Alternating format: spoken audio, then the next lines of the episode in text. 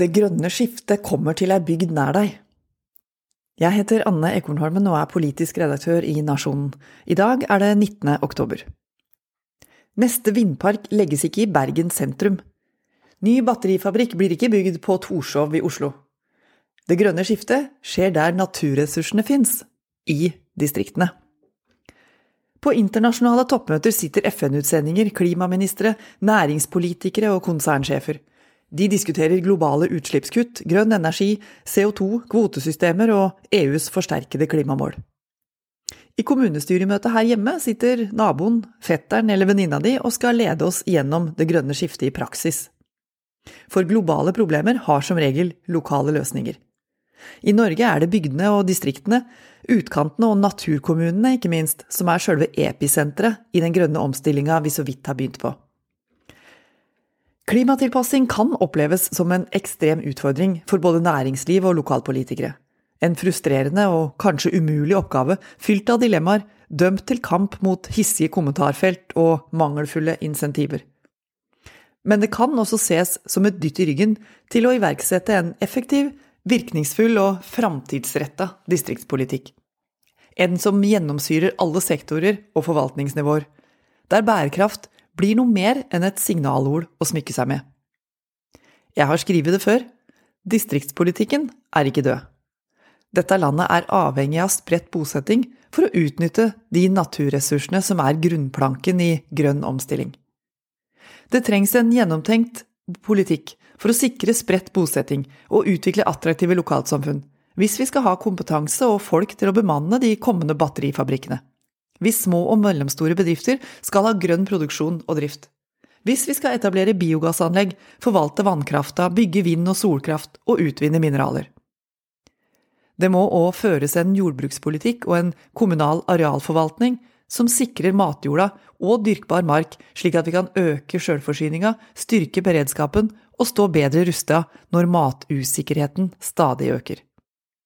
Vi kan ikke basere oss på at resten av Europa skal forsyne oss med strøm, eller at 60% av matenergien til det norske folk skal passere riksgrensa, som forsker Arne Bardal med Nibio formulerer det.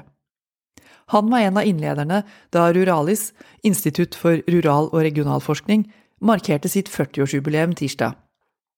Der var temaet nettopp åssen Distrikt-Norge står helt sentralt i flere kriser, og i løsningen på klima, natur, energi, matsikkerhet, arbeidskraft og inflasjonskrise.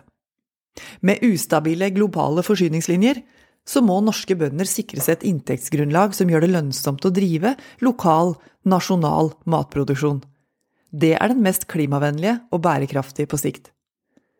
Midt i det grønne skiftet står forvaltningen av jord og skog, utviklinga av havbruk og prosessindustri. Ikke i Oslo, Trondheim eller Bergen, men der naturressursene ligger, i distriktene.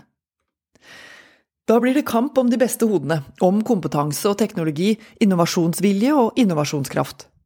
Det betyr at det er duka for interessekonflikter.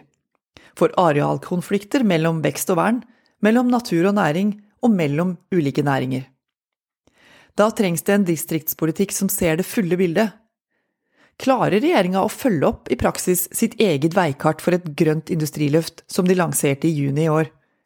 Blir det til reell politikk? Hva får plass i distriktsmeldinga som er varsla neste år? Og åssen vil det varsla skatteopplegget virke inn på etablering og satsing?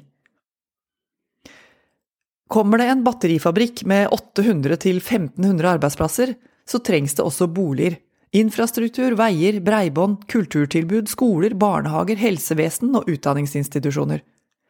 Uten sånne støttefunksjoner så får man et fly in, fly out-samfunn der ingen har tilhørighet, forankring eller bosetting. Å bygge lokalsamfunn, derimot, det krever distriktspolitikk på alle forvaltningsnivåer.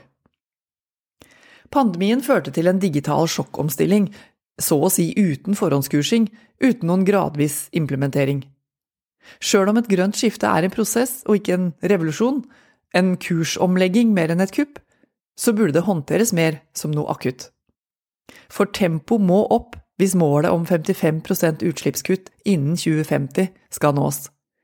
Ikke minst må tempoet opp i politikken som gir virkemidler og rammebetingelser. Krig, kraftunderskudd og prisvekst Klimaendringer og matusikkerhet er kriser som er merkbare helt lokalt. Selvfølgelig, det er her vi lever, her i nabolaget, i lokalsamfunnet, bygda eller byen. Samtidig ligger også løsningene her. Derfor burde ropet fra distriktskommunene være høylytt. Nå er tida definitivt inne for å drive aktiv distriktspolitikk. Satsing, utbygging, desentralisering. Krisene skaper både behov for og muligheter til ny grønn industri og utvikling av hele landet. Distriktene står altså mer i sentrum enn på lenge. Nå har du hørt Nasjonen på øret, og hvis du vil ha flere kommentarer opplest på denne måten, så finner du dem på nasjonen.no, eller der du hører podkast. Vi høres!